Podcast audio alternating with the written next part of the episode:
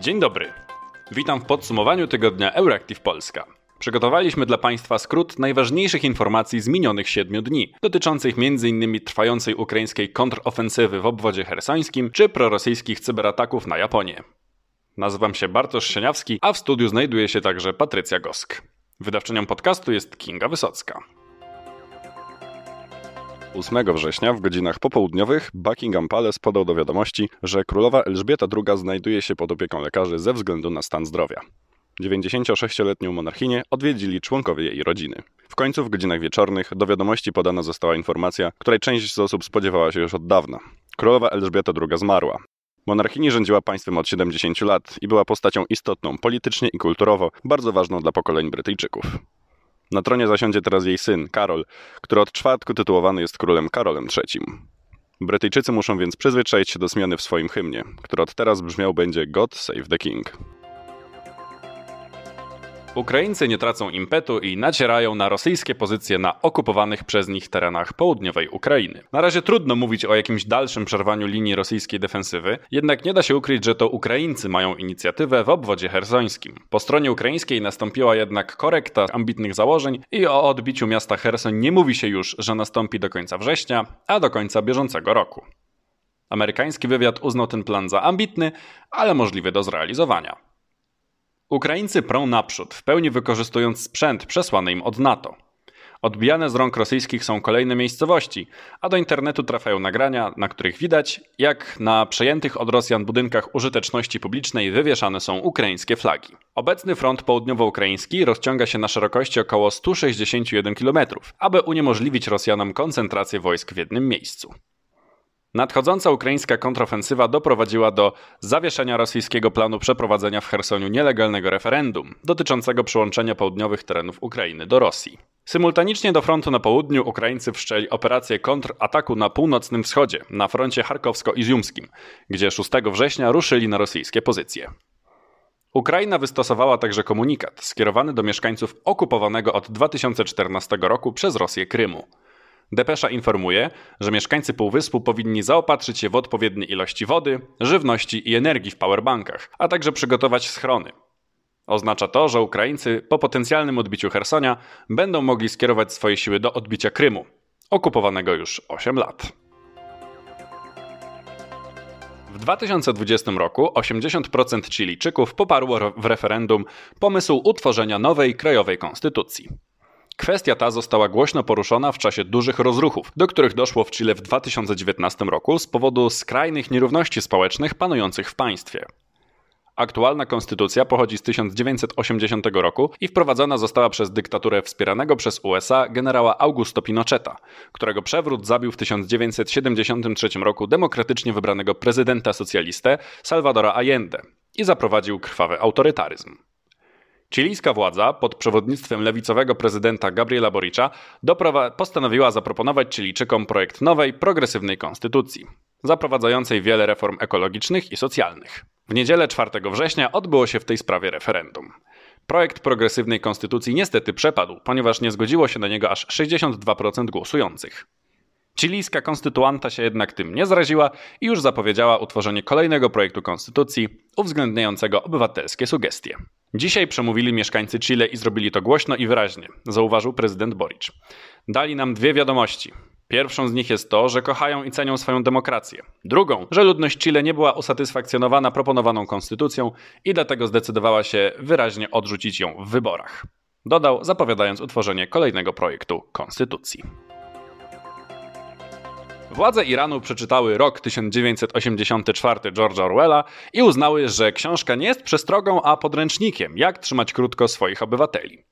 Rząd Iranu planuje bowiem wprowadzić technologię rozpoznawania twarzy do komunikacji miejskiej, aby łatwo identyfikować kobiety nie stosujące się do rygorystycznego prawa noszenia hijabu, wprowadzonego prezydenckim dekretem w sierpniu. Hijab jest w Iranie kwestią sporną, przeciwko której w ostatnim czasie wybuchały spontaniczne protesty.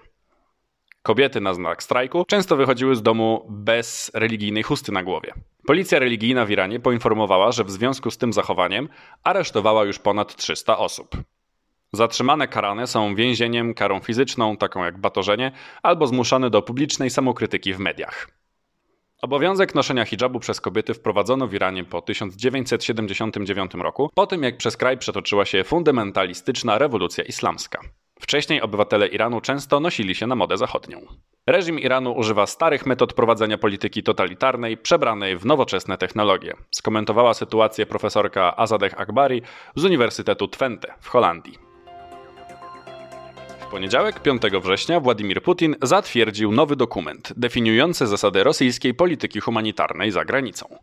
Będzie się ona opierała na tak zwanym rosyjskim świecie, stworzonym głównie na podstawie skrajnie konserwatywnych rosyjskich idei. Dokument podpisany przez Putina ma 31 stron.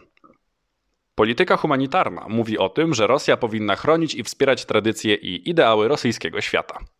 Według nowego dokumentu, kultura jako instrument soft power przyczynia się do wzmocnienia międzynarodowych pozycji Rosji i neutralizacji antyrosyjskich nastrojów pochodzenia politycznego i ideologicznego.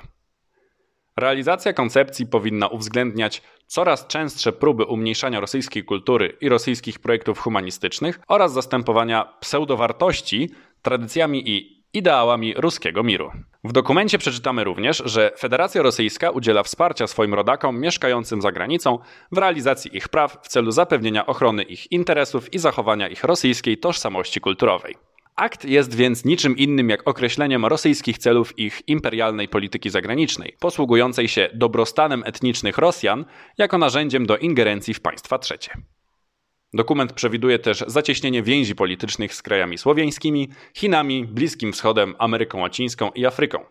Słowem, z każdym poza USA. Rosja zamierza kupić miliony nabojów, rakiet i pocisków artyleryjskich od Korei Północnej, by wesprzeć swoją inwazję na Ukrainę. Wynika z ustaleń amerykańskiego wywiadu.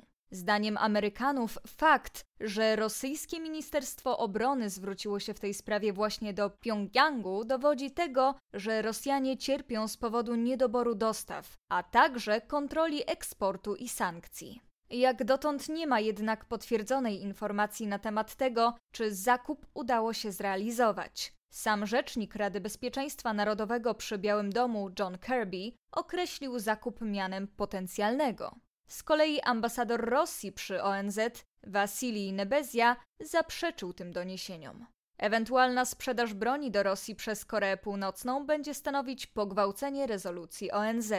Organizacja nałożyła na Pjongjang zakaz eksportowania broni, a także importowania jej z innych krajów. Jak zauważają eksperci, w ostatnich miesiącach relacje między Rosją a Koreą Północną pogłębiły się. Przywódcy obu państw wymienili listy, w których wzywali do wszechstronnej i strategicznej współpracy. Dodatkowo Władimir Putin miał powiedzieć Kim Jong-unowi, że ich kraje rozszerzą kompleksowe i konstruktywne stosunki dwustronne. Podczas gdy Kim stwierdził, że dwustronna współpraca strategiczna i taktyczna, wsparcie i solidarność osiągnęły nowy poziom we wspólnym wysiłku na rzecz udaremnienia wrogich sił zbrojnych. Północno-koreański reżim oskarża Stany Zjednoczone o trwający kryzys w Ukrainie i twierdzi, że hegemoniczna polityka Zachodu usprawiedliwia rosyjskie działania. Z kolei Rosja wraz z Chinami wezwała do ułagodzenia sankcji nałożonych na Pjongjang. Moskwa potępiła także wznowione w sierpniu ćwiczenia wojskowe organizowane przez Stany Zjednoczone i Koreę Południową. Są one postrzegane przez reżim jako próba inwazji. Kanclerz Niemiec Olaf Scholz w rozmowie z gazetą Frankfurter Allgemeine Zeitung stanowczo odrzucił żądania reparacji wojennych wysunięte przez Polskę. Mogę powtórzyć tylko za wszystkimi poprzednimi rządami federalnymi, że ta kwestia została ostatecznie rozstrzygnięta w prawie międzynarodowym. Odrzucając roszczenia, rząd federalny Niemiec powołuje się na porozumienie 2 plus 4 z 1990 roku. Dotyczy ono uznania jedności w niemieckiej polityce zagranicznej po zjednoczeniu Niemiec. Nota dyplomatyczna w sprawie reparacji dopiero wpłynie do Niemiec, więc nie może być odrzucona przed wpłynięciem. Skomentował słowa niemieckiego kanclerza dla polskiej agencji prasowej poseł Arkadiusz Mularczyk. Cieszy to, że kanclerz Niemiec nie powołuje się już na zrzeczenie się reparacji. To jest postęp. Należy tu pochwalić kanclerza, że Niemcy nie chowają się za fabrykowanym i formalnie nieistniejącym zrzeczeniem przez Sowietów, dodał polityk PiS. W 83. rocznicę rozpoczęcia wojny na Zamku Królewskim w Warszawie zaprezentowano raport o polskich stratach wojennych. Ma on być podstawą domagania się od Niemiec reparacji wojennych. Raport w sprawie reparacji był przygotowany przez działający w poprzedniej kadencji parlamentu od września 2017 roku Parlamentarny Zespół do spraw oszacowania wysokości odszkodowań należnych Polsce od Niemiec za szkody wyrządzone w trakcie II wojny światowej. Kojarzona z Rosją i znana z mocno prorosyjskich poglądów jej członków, hakerska grupa Killnet przyznała się do przeprowadzenia cyberataku na strony internetowe japońskiego rządu. Grupa ta uderza ostatnio głównie w kraje nakładające sankcje na Rosję lub wspierające Ukrainę. Na serwery dokonano ataku typu DDoS. To dosyć prosty, ale uciążliwy atak, który polega na wysłaniu do serwera bardzo dużej liczby zapytań w tym samym czasie, co powoduje jego zawieszenie się. Do ataku przyznała się kojarzona z Rosją grupa hakerska Killnet. Główny sekretarz japońskiego rządu, Hirokazu Matsuno, nie potwierdził jednak, że to ta właśnie grupa stoi za atakiem na rządowe serwery. Jesteśmy świadomi, że ta grupa hakerów zasugerowała, że stoi za atakami, ale wciąż badamy przyczyny tych awarii, w tym zaangażowanie tej grupy, powiedział. Podkreślił też, że atak był gwałtowny, ale japońskim służbom dość szybko udało się go opanować i przywrócić normalne funkcjonowanie rządowych serwisów. Zapewnił, że hakerzy nie wykradli żadnych danych i nie poczynili żadnych zniszczeń w bazach danych. Największy problem był z funkcjonowaniem platformy do załatwiania urzędowych spraw przez internet. Tego typu usługi są bardzo często atakowane przez hakerów z grupy Killnet. Równie często uderzają oni także w serwisy dotyczące transportu. Killnet jest grupą sympatyzującą z Rosją, choć prawdopodobnie w jej składzie są nie tylko Rosjanie. W ostatnim czasie za cel obiera sobie ona państwa uczestniczące w nakładaniu na Rosję sankcji za inwazję na Ukrainę bądź państwa wspierające Ukrainę, na przykład dostawami broni czy innego potrzebnego w warunkach wojennych sprzętu. Rada Polityki Pieniężnej na wrześniowym posiedzeniu po raz jedenasty podniosła stopy procentowe, tym razem o 25 punktów bazowych. Główna stopa referencyjna NBP wzrosła do 6,75%. Utrzymuje się ryzyko kształtowania się inflacji powyżej celu inflacyjnego NBP w horyzoncie oddziaływania polityki pieniężnej. Cel ten wynosi 2,5% plus minus 1 punkt procentowy, wskazała Rada Polityki Pieniężnej. Aby ograniczyć to ryzyko, a więc dążąc do obniżenia inflacji do celu NBP w średnim okresie, Rada postanowiła ponownie podwyższyć stopy procentowe NBP. Podwyższenie stóp procentowych będzie także oddziaływać w kierunku ograniczenia oczekiwań inflacyjnych, napisała Rada. W wydanym komunikacie zaznaczono, że dalsze decyzje Rady będą zależne od napływających informacji dotyczących perspektyw inflacji i aktywności gospodarczej, w tym od wpływu agresji zbrojnej Rosji na Ukrainę na polską gospodarkę.